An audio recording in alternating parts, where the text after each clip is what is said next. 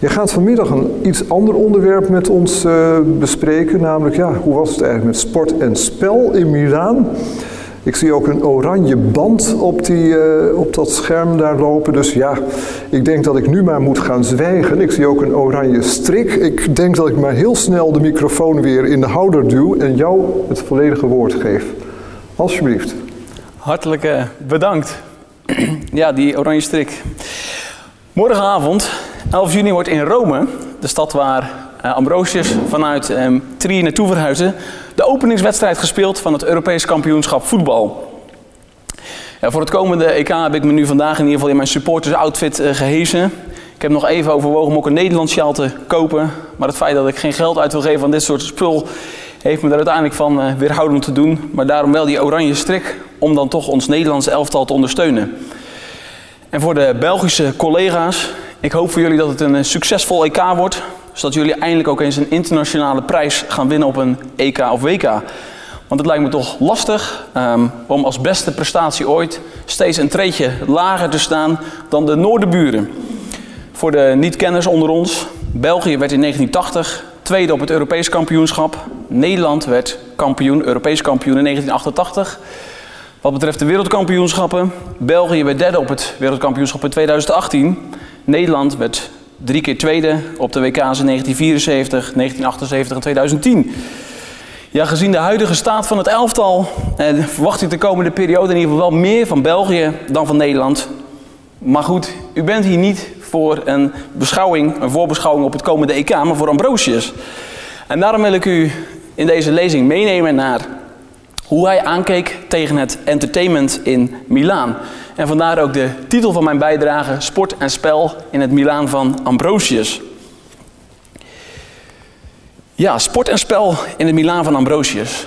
De Latijnse dichter Ausonius schrijft in zijn beschrijving van beroemde steden over Milaan. En hij spreekt daarin over de renbaan, het plezier van de mensen en het wichtvormige gevaarte van het ingebouwde theater, de tempels en de versterkingen van het keizerlijk paleis en de rijke munt en het gebied dat bekend staat onder de eervolle naam het bad van de beroemde Hercules. Nou, drie van de vier genoemde gebouwen die relevant zijn voor deze lezing zijn de rembaan, het theater en ook het bad of de baden van Hercules. En opvallende afwezig is het amfitheater, maar daar kom ik zo meteen nog op terug. We gaan beginnen bij het theater. En dat kunt u ook zien op deze uh, de plattegrond. Dit is een kaart eigenlijk van het uh, huidige Milaan, met daarin de stadsmuren van uh, Milaan getekend van het Milaan van Ambrosius. En bij nummertje 5, waar een rood cirkel mee staan, dat was de plek van het theater. Uh, er zijn ook een heleboel opgravingen naar gedaan. Hier ziet u een soort van schets eigenlijk van deze uh, opgravingen. Hoe dat er ongeveer heeft uitgezien en hoe dat dan vandaag de dag is teruggevonden. En hier ziet u nog een, ja, wat er vandaag de dag van over is. wat steen. Onder het principaat van Augustus werd de bouw van theaters sterk bevorderd. Het theater was dan ook de plek waar de keizer het volk ontmoette. En Milaan kreeg daarom in de eerste helft van de eerste eeuw na Christus een imposant theater. Gelegen in het gebied langs de Decumanus Maximus van Milaan. En in het gebied rond het theater vestigde zich de plaatselijke elite, zoals blijkt uit de resten van een huis dat gevonden werd bij de opgraving van de Santa Maria alla Porta. De status van het gebied werd nog groter toen aan het einde van de derde eeuw ook het Palatium, het keizerlijk paleis, en de renbaan gebouwd werden aan de andere kant van de Decumanus. Aan de binnenkant had, de, het theater een uh, enorme tribune van zo'n, met een diameter van 95 meter en een uh, podium, een pulpitum van ongeveer 60 meter. Uh, dat moet een indrukwekkend bouwwerk geweest zijn. En het had dan ook een capaciteit van uh, ja, ongeveer 8 tot 9000 toeschouwers. En hier ziet u ongeveer hoe dat er uitgezien moet hebben. Ja, en uh, in de tijd, vlak voor dat uh, Ambrosius werkzaam werd in Milaan, is het theater verbouwd. En kon men het ook vol laten lopen met water, zodat er ook kleine zeeslagen nagebouwd, tenminste dat is waarschijnlijk dat er ook zeeslagen nagespeeld konden worden. Het zal de aantrekkelijkheid van het uh, theater alleen maar vergroot hebben. Ja, en dat brengt mij bij de vraag inderdaad, hoe keek Ambrosius dan tegen dat theater aan? In zijn preken over de zes dagen van de schepping beschrijft Ambrosius het theater als een vallei van waaruit de kerk gevuld wordt. Hij noemt het theater hierbij in één adem met de populaire renbaan. En dit doet hij ook in een latere preek over de vlucht uit de wereld. En daar zegt de bisschop het volgende. Ik citeer hem hier in vertaling. De renbaan is leegheid, omdat het niet nuttig is. Leeg is de snelheid van de paarden, omdat het bedriegelijk is tot de zaligheid. Het theater is leegheid. De spelen zijn leegheid. Alle dingen zijn leegheid, zoals prediker zegt. Alle dingen die in deze wereld zijn. Ook in Ambrosius' commentaar op Psalm 118, onze vertaling 119, verbindt hij het theater en wat daar gebeurt met leegheid. Hij zet zich zelfs in om de mensen daar weg te krijgen. Ik citeer. Hopelijk kan ik door deze uitleg degene terugroepen die zich haasten naar verschillende schouwspelen van het circus en van het theater. Wat je daar ziet is leegheid. Je kijkt naar de balletdansers. Het is leegheid. Dat zowel het theater, dus het, einde van het citaat, dat zowel het theater als ook het circus aantrekkingskracht hadden op kerkgangers, blijkt verderop in zijn verklaring van deze psalm. Een ander, omdat hij verleid wordt door de circusspelen of de genoegens van het theater, of in beslag genomen wordt door andere leegheden, bezoekt de kerk niet regelmatig. Het blijkt dan ook dat kerkgangers ook in beslag konden genomen worden door wat er in het theater gebeurde. Op de volgende dia ziet u daar ook een, een citaat weer van. Hij kan dit, en dat verwijst dan naar Psalm 118, vers 23, alleen zeggen als hij zich met de volledige inspanning van zijn geest heeft afgekeerd van profane zorgen en wereldse genoegens. Want hoe kan hij dit zeggen die door het entertainment van het theater in beslag wordt genomen? Maar hij die dit zegt, heeft eerder gezegd: Keer mijn ogen af, zodat zij de leegheid niet zien. In zijn verklaring van het Evangelie van Lucas wijst Ambrosius ook naar het theater, bij zijn uitleg van de gelijkenis van de verloren zonen in Lucas 15. Ambrosius contrasteert hier de muziek en de dans bij de thuis, thuiskomst van de jongste zoon met de sfeer in het theater. U kunt meelezen op deze dia. Daarom kan hij, dat is de oudste zoon, de rijdans en de muziek niet aanhoren. Dit gaat niet over datgene van het theater dat aanzet tot losbandigheid. Ook niet over de harmonie van klanken aan het hof. Maar dit is de samenhorigheid van de gelovigen die samen zingen. Die een lieflijke aangenaamheid van vreugde laat weer klinken over de geredde zondaar. Het is met name het dansen dat meerdere keren terugkomt in relatie tot het theater in het oeuvre van Ambrosius. In zijn boek over het berouw verwijst Ambrosius naar Lucas 7, vers 32, waar Jezus oproept om te dansen. En dan zegt Ambrosius het volgende. Het woord dansen is verachtelijk, maar het mysterie is niet verachtelijk. En daarom moet men oppassen dat men niet meent, doordat men door een bepaalde alledaagse interpretatie van het woord misleid wordt, dat door mij bewegingen van het verleidelijke dansen door de acteurs en de onzinnigheden van het theater worden voorgeschreven. Want zulk dansen is schadelijk voor de jeugd. Maar hij, dat is Christus, heeft die dans voorgeschreven die David heeft gedanst voor de ark van de Heer. Want alles wat gedaan wordt uit geloof is juist. Zodat wij ons voor geen enkele gehoorzaamheid hoeven te schamen die bijdraagt aan de verering en hoogachting van Christus. Aan de andere kant kan Ambrosius datgene wat er gebeurt in uh, het theater ook gebruiken ter illustratie van een bepaald punt. En dat is ook een lijn die verschillende keren terug zal komen. In de Helia e Junio spreekt hij over de feesten van de strijders. De soldaten die mogelijk in Milaan ook gelegerd waren. Ambrosius stelt hier het drankgebruik ter discussie en maakt de volgende vergelijking tussen de soldaten en de acteurs. Kunt u meelezen. Want zoals de acteurs van tragedies eerst hun stem geleidelijk verheffen totdat ze de vochtige weg van hun stem openen, zodat ze daarna met een groot geschreeuw luid kunnen weer klinken. Zo oefenen deze zich in het begin ook met voorbereidende bekers om de dorst op te wekken, opdat ze deze niet per ongeluk lessen en omdat ze verzadigd zijn, daarna niet meer kunnen drinken. Ja, vandaag de dag zouden we dat denk ik eh, indrinken noemen. Uh, dit is hoe Ambrosius het uh, omschrijft. Ja, tot zover het theater. En ik wil met jullie de reis vervolgen door Milaan. En we gaan nu eh, de stad uit. En dat eh, ziet u ook op de plattegrond.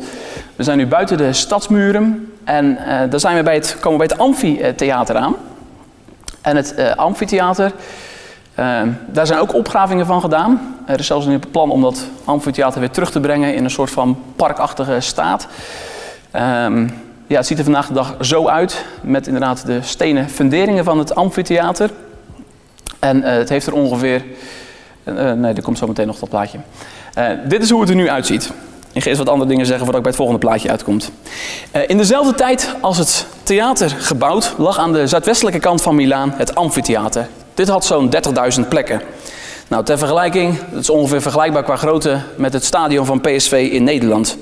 Na het Colosseum in Rome en het amfitheater in Capua was dit qua grootte het derde amfitheater in Italië. En het had buitenmaten van 155 meter bij 125 meter. En de arena die was 70 bij 40 meter. Qua stijl valt dit amfitheater in de categorie amfitheater in keizerlijke stijl. En dat is een contrast met de gewone functionele amfitheaters. En het laat zien, ook qua materialen, dat het een mooi eh, ja, monument was met groot aanzien. Maar de status van het gebouw aan het einde van de 4e eeuw is niet duidelijk. De eerder genoemde Ausonius, maar ook Ambrosius, noemen het amfitheater niet in hun werk.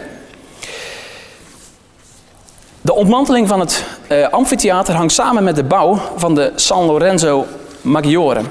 Onderdelen van het amfitheater zijn hoogstwaarschijnlijk gebruikt in de fundering van de oudste delen van deze kerk. En dat was het plaatje wat u net al een beetje zag. Ik weet niet of het heel goed zichtbaar is.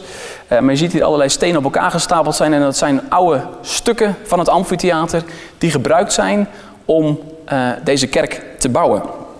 En mogelijk was het amfitheater nog wel bruikbaar, maar was de ontmanteling al wel uh, begonnen. De opkomst van het christendom in combinatie met een verslechterde economische situatie heeft in ieder geval gezorgd voor een geleidelijke verdwijning van de immens populaire gladiatorengevechten in de amfitheaters. Toch werden er in Milaan in de, aan het einde van de 4e eeuw nog wel jachtspelen, de zogenaamde Venationes, gehouden. Volgens Paulinus, de biograaf van Ambrosius, gebeurde dit in het amfitheater. En uh, ik wil daar een klein stukje in vertaling uit voorlezen. Hier ziet u nog even het uh, plaatje hoe dat er ongeveer uit moet hebben gezien. Dus als Milaan aankwam was dit een imposant bouwwerk wat je kon uh, zien. En dan nu wat um, Paulinus daarover zegt. In diezelfde tijd, dus dat is einde 4e eeuw, in diezelfde tijd liet de keizer Honorius in de stad Milaan vanwege zijn consulschap een show met wilde dieren uit Libië opvoeren. En terwijl het volk daar verzamelde, en moet je voorstellen dat dat duurde eventjes voordat zo'n gebouw helemaal gevuld was, werd op dat moment door de generaal Stilicho op bevel van de prefect Eusebius toestemming gegeven aan de soldaten die gestuurd waren om een zekere Cresonius uit de kerk te slepen, nadat hij gevlucht was naar het altaar van de Heer stelde de heilige bisschop met de geestelijken die op dat moment aanwezig waren zich op rondom hem om hem te beschermen. Maar de menigte van soldaten die hun leiders hadden uit de secte van de Arianen waren sterker ten opzichte van de weinigen. En nadat Cresonius verwijderd was, keerden zij juichend terug naar het amfitheater, terwijl zij de kerk in grote rouw achterlieten. Want de priester, Ambrosius, weende lange tijd liggend voor het altaar van de Heer vanwege deze gebeurtenis. Maar op het moment dat de soldaten waren teruggekeerd en verslag deden aan hen door wie ze waren uitgekozen, sprongen losgelaten luipaarden met een snelle, sprong omhoog naar precies die plek waar diegenen zaten die over de kerk getriomfeerd hadden. De luipaarden lieten hen ernstig toegetakeld achter. Tot zover Paulinus. Ja, ondanks de verwijzingen naar het amfitheater bij Paulinus wordt het amfitheater niet bij name genoemd door Ambrosius. Wel verwijst Ambrosius in De naar activiteiten die georganiseerd werden om de gunst van mensen te winnen, waaronder jachtspelen, gladiatorenspelen in het amfitheater. Het is verkwistend om de eigen rijkdom te plunderen voor de welwillendheid van de volksgunst. Dit doen zij die door de circus spelen, of ook door de theaterstukken en de gladiatoren spelen, of ook door de jachtspelen hun vermogen verspillen, zodat ze de voorafgaande beroemdheid overtreffen, hoewel alles leeg is wat zij doen, omdat het ook niet behoort om onbeheerst te zijn met de uitgave aan goede werken. Eh, dus hier zie je dat de economische situatie ook een rol speelt, of in ieder geval economische motieven. En in de lijkrede over de jonge Valentinianus zegt Ambrosius het volgende over hem. Sommigen beweren dat hij in beslag werd genomen door de jacht op wilde dieren en dat daarbij zijn aandacht van staatszaken weggevoerd werd. Onmiddellijk beval hij om alle dieren af te maken. De derde verwijzing van Ambrosius naar de Venationes is te vinden in zijn commentaar op Psalm 118 eh, weer. En dan zegt hij over de jagers Nimrod en Esau. Deze waren immers jagers die gewend zijn om wilde dieren met strikken te vangen en om zwijgende schepselen met boeien vast te binden. Nutteloze jagers, die beesten vangen, die de processie tot een populair schouwspel maken. Dienst aan de wreedheid. Ambrosius voegt er ook nog aan toe dat er in de schrift geen enkele rechtvaardige jager voortkomt. Het ontbreken van een verwijzing naar het amfitheater en het geringe aantal verwijzingen bij Ambrosius laten zien dat dit waarschijnlijk niet het meest eh, populaire onderdeel was van het volksvermaak in Milaan. Eh, tegelijk sluiten de uitlatingen van Ambrosius die hij erover doet wel aan bij het beeld dat eh, andere schrijvers ook schetsen over het gemak waarmee dieren gedood werden. Dan gaan we weer verder kijken in uh, Milaan naar het volgende onderdeel, het circus. Zoals u ziet loopt dat eigenlijk een soort van langs de muren van Milaan, nummertje 2. Ja, in de klassieke auto's werd de renbaan gebruikt voor wagen- en paardenraces. Um, er zijn nog onderdelen terug te vinden. Onderdeel van de karkerees en de uh, torens die nog teruggevonden, die er nog steeds staat, is tegenwoordig een klokkentoren. Um, er zijn ook ja, onderdelen van die dingen teruggevonden. Hier is een ivoren beker, waar je uh, bovenop de jachtpartijen ziet. En onder de wagenraces die dus plaatsvonden in de renbaan. En hier ziet u hoe dat er ongeveer uit heeft gezien in een reconstructie. De renbaan in Milaan is hoogstwaarschijnlijk gebouwd door Maximinianus naast het keizerlijke paleis. Voor de bouw van de renbaan moest zelfs de rivier Seveso omgelegd worden. Uiteindelijk werd de renbaan 470 meter lang en 80 meter breed.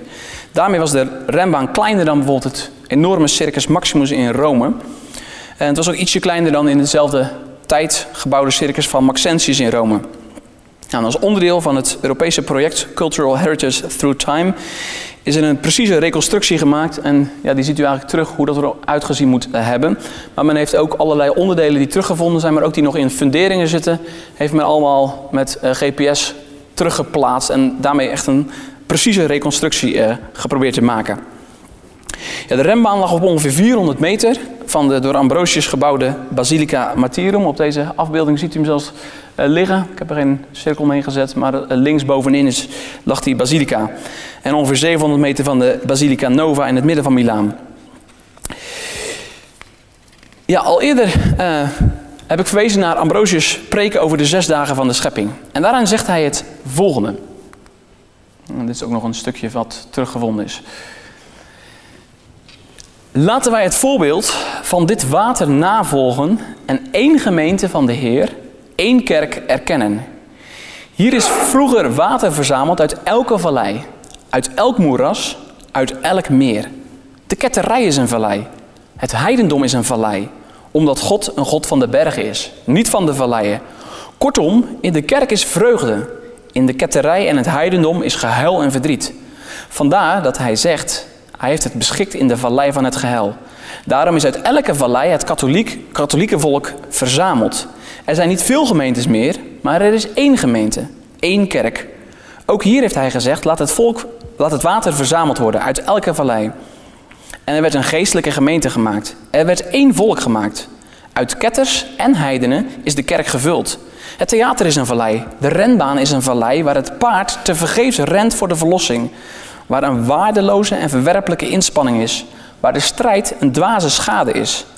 Uit hen dan, die totaal opgingen in de renbaan, is het geloof van de kerk gegroeid. Het dagelijks samenkomen neemt toe. Opvallend is dat Ambrosius meer aandacht besteedt in dit citaat aan de renbaan dan aan het theater. Blijkbaar waren er gelovigen die eerst opgingen in de renbaan. Dat werd door Ausonius ook niet voor niets het plezier van de mensen genoemd. In een latere preek over Psalm 39 spreekt Ambrosius over de volledige interesse voor de waanzin van de spelen in de renbaan. En hier spreekt hij over, in dit citaat spreekt hij over de gelovigen die vanuit de vallei naar de kerk zijn gekomen. In plaats van het bezoeken van de renbaan gaan ze nu naar de kerk toe. En het dagelijkse samenkomen neemt zelfs toe onder deze mensen. Maar evenals het theater valt ook de renbaan onder de vanitas. Ik citeer: De renbaan is leegheid omdat het niet nuttig is. Leeg is de snelheid van de paarden omdat het bedriegelijk is tot de zaligheid. En de snelheid van de paarden waar uh, Ambrosi hierover spreekt lag op rechte stukken op ongeveer 70 km per uur. Dus dat moet een spectaculair gezicht geweest zijn. Ik denk dat je het een beetje kan vergelijken met uh, Max Verstappen vandaag in zijn Formule 1 bolide. Maar het kan Ambrosius niet bekoren. Het is bedrieglijk tot de zaligheid. En in zijn commentaar op Psalm 118 zegt hij ook het volgende. Dus hoe kan wie in Christus is naar de leegheden kijken, terwijl Christus in zijn vlees alle leegheden van deze wereld heeft gekruisigd? Laten wij daarom onze ogen afwenden van de leegheid, uit vrees dat wat het oog ziet de geest laat begeren. Ik ben ondertussen inmiddels wat afgedwaald, immers wat afgedwaald van de mystieke dingen. Hopelijk kan ik door deze uitleg degene terugroepen die zich haasten naar verschillende schouwspelen van het circus en van het theater. Wat je daar ziet is leegheid. Je kijkt naar de rennende paarden. Het is leegheid, omdat ze voor niets rennen die hun bereiders, hun bereiders niet kunnen redden. Kortom, laat de terugloop zelf je onderwijzen, omdat zij voor niets rennen die de reis niet rechtstreeks afleggen. Zij vergeten het vroegere en zijn begeerig naar wat komt. In het laatste stukje gebruikt uh, Ambrosius de renbaan, in contrast met het leven van een christen. In een renbaan moest de, het span zich keren en terugrennen om de ja, baan te kunnen lopen. Maar een christen die keert zich niet om, maar die is vooruitgericht, op de toekomst gericht. Een ander voorbeeld uit de renbaan gebruikt Ambrosius in zijn uh, boek over Isaac.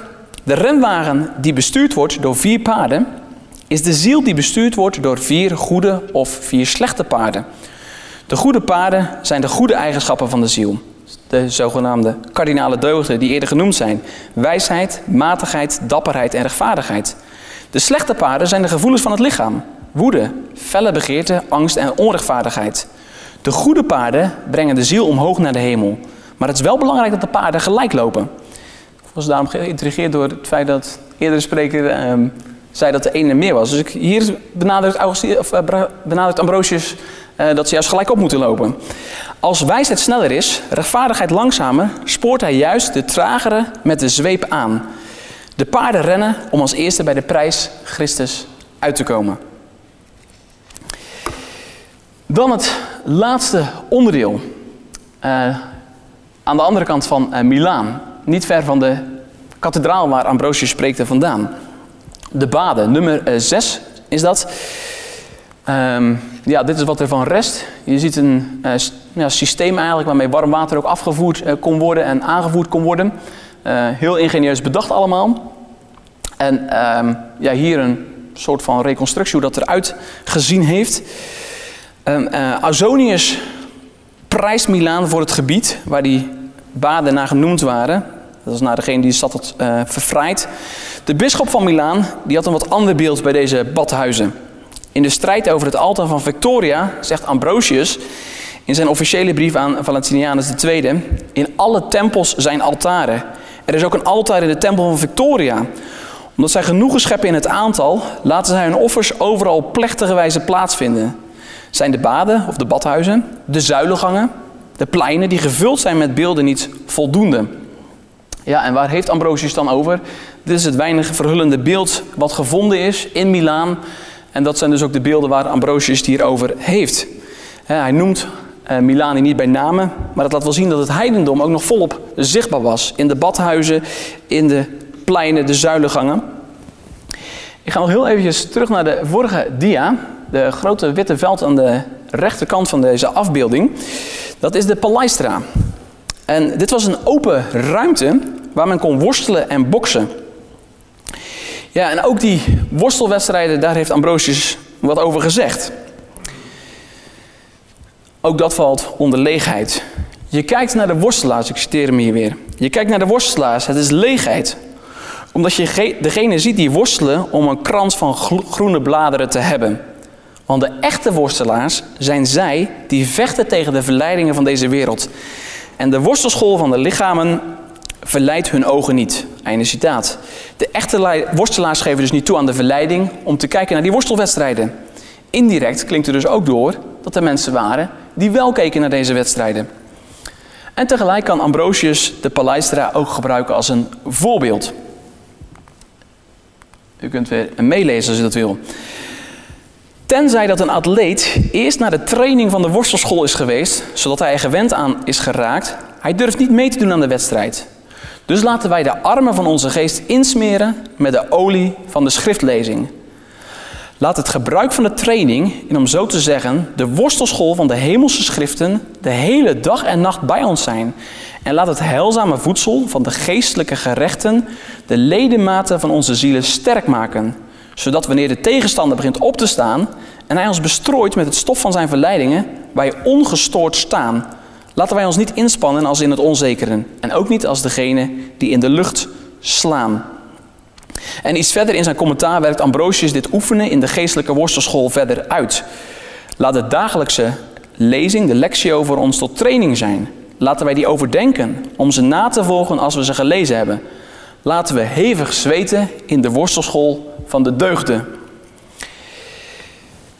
In zijn preek over Psalm 36 gebruikt Ambrosius twee soorten van gevechten ter illustratie van het leven van Paulus. De eerste soort zijn de worstelaars.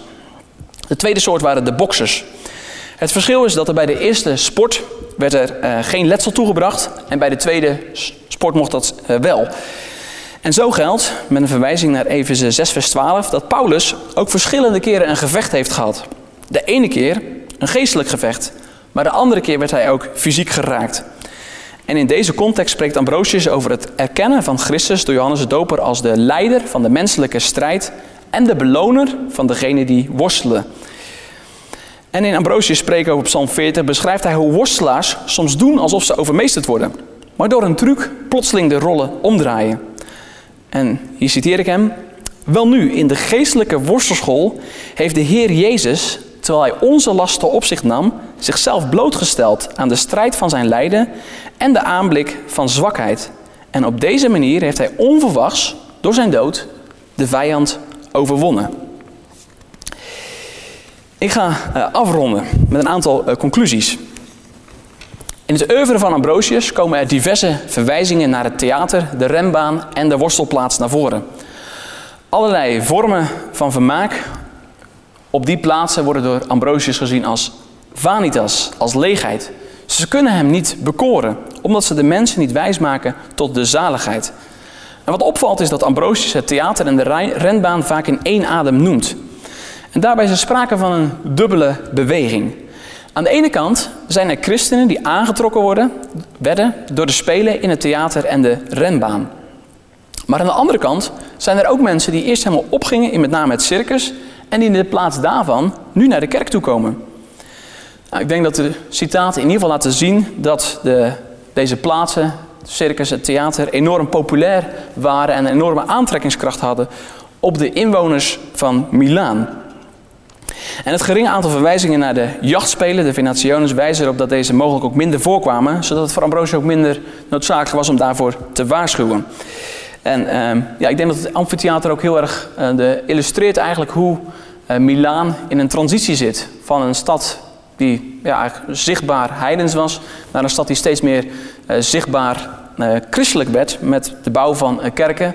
Ja, en de afbraak van het amfitheater is wat dat betreft illustratief. Um, vandaag de dag zie je eigenlijk de omgekeerde beweging. Uh, dit kerkgebouw ja, was eigenlijk ook inderdaad um, opgeschreven om inderdaad niet meer als kerk gebruikt te worden. Gelukkig nu nog wel als kerk gebruikt. Maar er zijn andere plekken waar uh, een kerk omgebouwd is tot een klimtoren. Nou, dat illustreert, illustreert eigenlijk precies de tegenovergestelde beweging waar wij vandaag de dag in zitten. Ja, en wat verder uh, opvalt is dat inderdaad ook de wedstrijden in de Palaistra nauwelijks genoemd worden door Ambrosius. Um, en het, verwijt, het feit dat er weinig naar wordt verwezen sluit ook aan bij de neergang eigenlijk van deze uh, wedstrijden, die ook vanuit andere bronnen aangetoond kan worden. Een laatste aspect van Ambrosius' verwijzingen naar diverse plaatsen van amusement is ook dat hij ze gebruikt ter illustratie van iets in een preek of uit de Bijbel. En daarmee laat hij denk ik ook iets zien wat ook ja, relevant is, denk ik. Hij sluit daarmee ook aan bij de leefwereld van zijn uh, luisteraars. Ik wil u alle hartelijk bedanken voor uw aandacht. En, wat mij betreft is nu ruimte inderdaad voor uh, discussie of uh, vragen.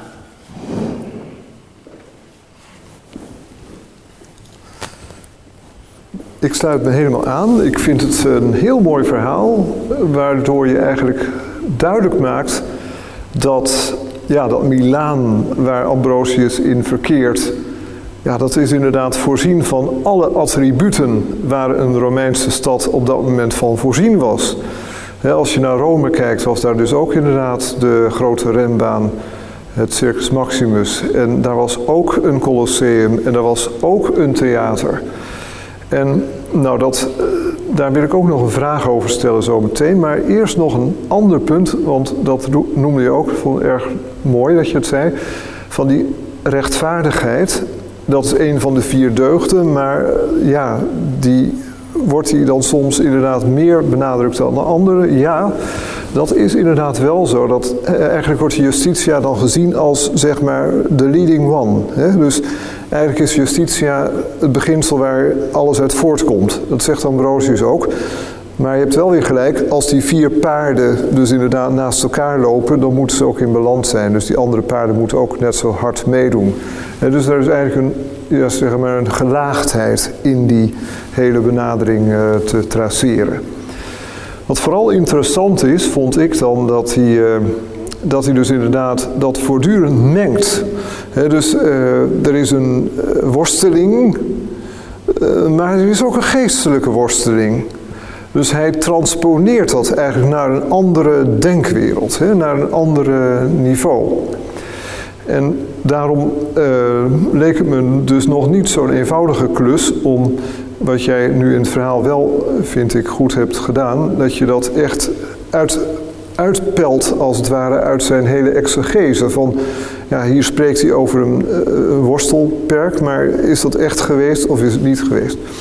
Ik heb eigenlijk nog een vraag en daarna wil ik, maar die vraag zal ik even laten rusten. Misschien vanuit de zaal, spontaan, dat mensen zeggen van nou, ik, uh, ja, ik zie daar een vraag. Benno volgens mij. En nog een vraag.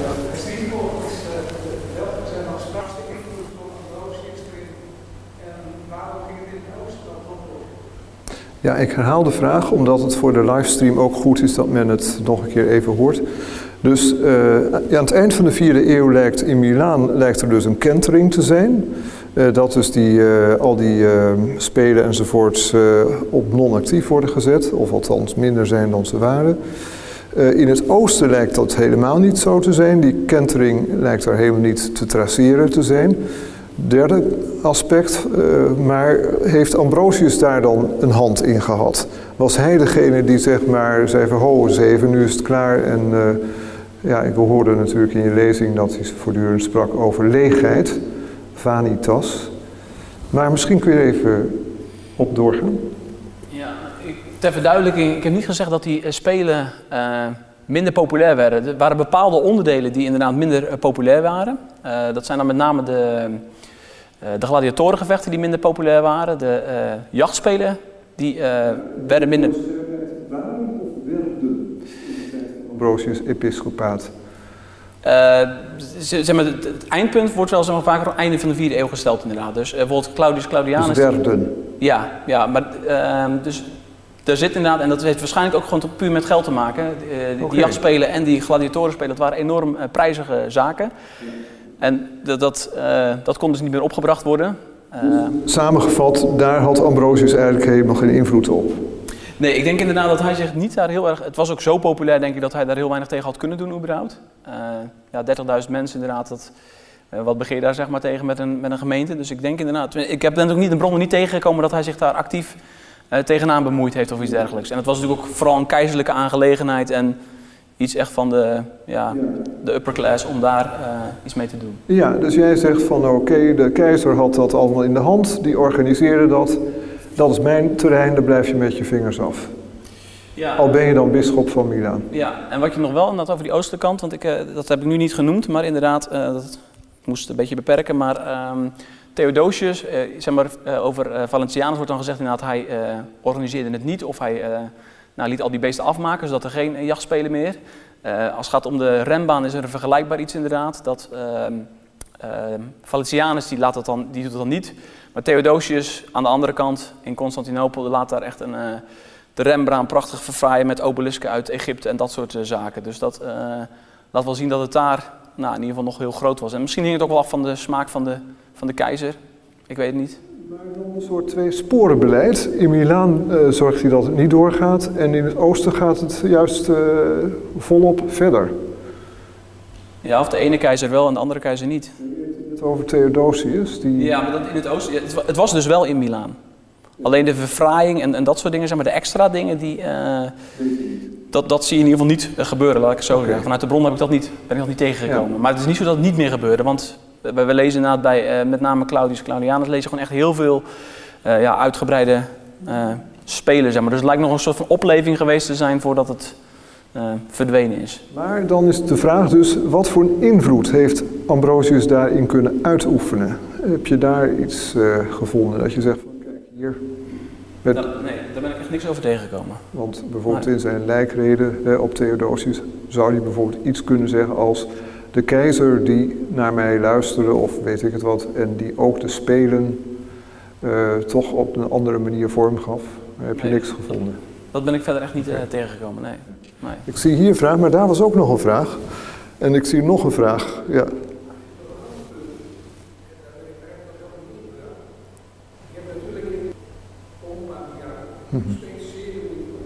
Ja. Dus inderdaad heel belangrijk. Wat voor een plaats had dan de doop hè, met het afzweren van de, ja, van de pracht en praal van de duivel, de pompa diaboli.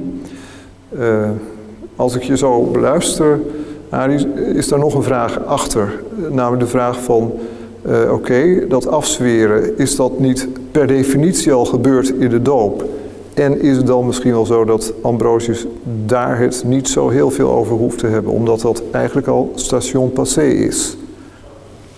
Dat, maar ik leg het graag aan jou voor. Ja, ja nou, het is voor mij in die zin een nieuwe gedachte. Ik ben hem echt niet tegengekomen bij Ambrosius, maar dat hij ergens zeg maar, de doop linkt aan, uh, ja, aan het theater of zo. Dat, zeg maar, dat als je als christen gedoopt bent inderdaad, je ziet wel dat het soort van die, die strijd er wel is.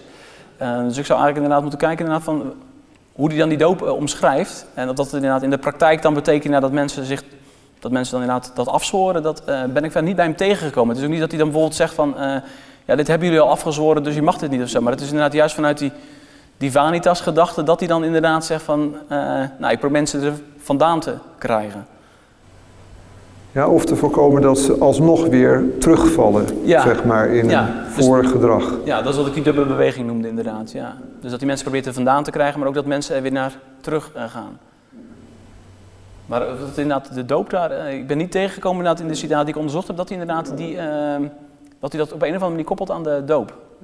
Nee, maar dat is duidelijk. Als je dat niet tegengekomen bent, maakt hij kennelijk die koppeling niet. Nee. Dankjewel. De enige voorzichtigheid. Er was nog een vraag volgens mij. Ja.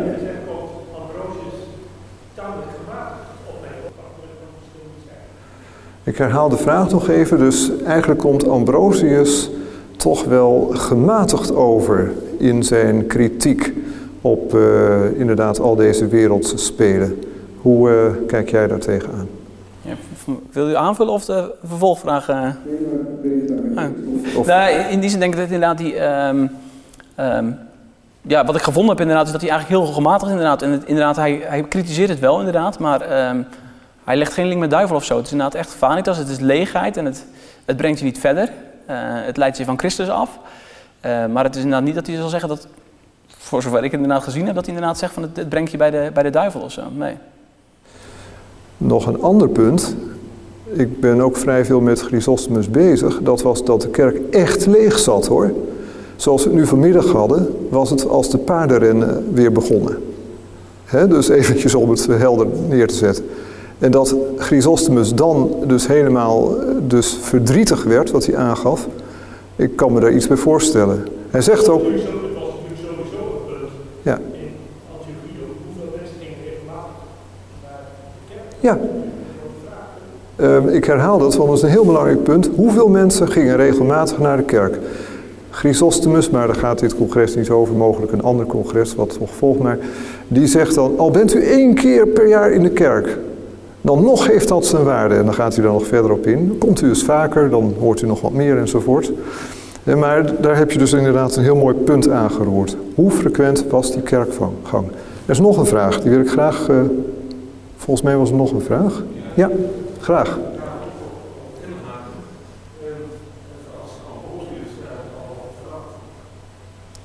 Ja, dus even de vraag herhalen. Dus Augustinus die laat zich positief uit uh, op de eerste.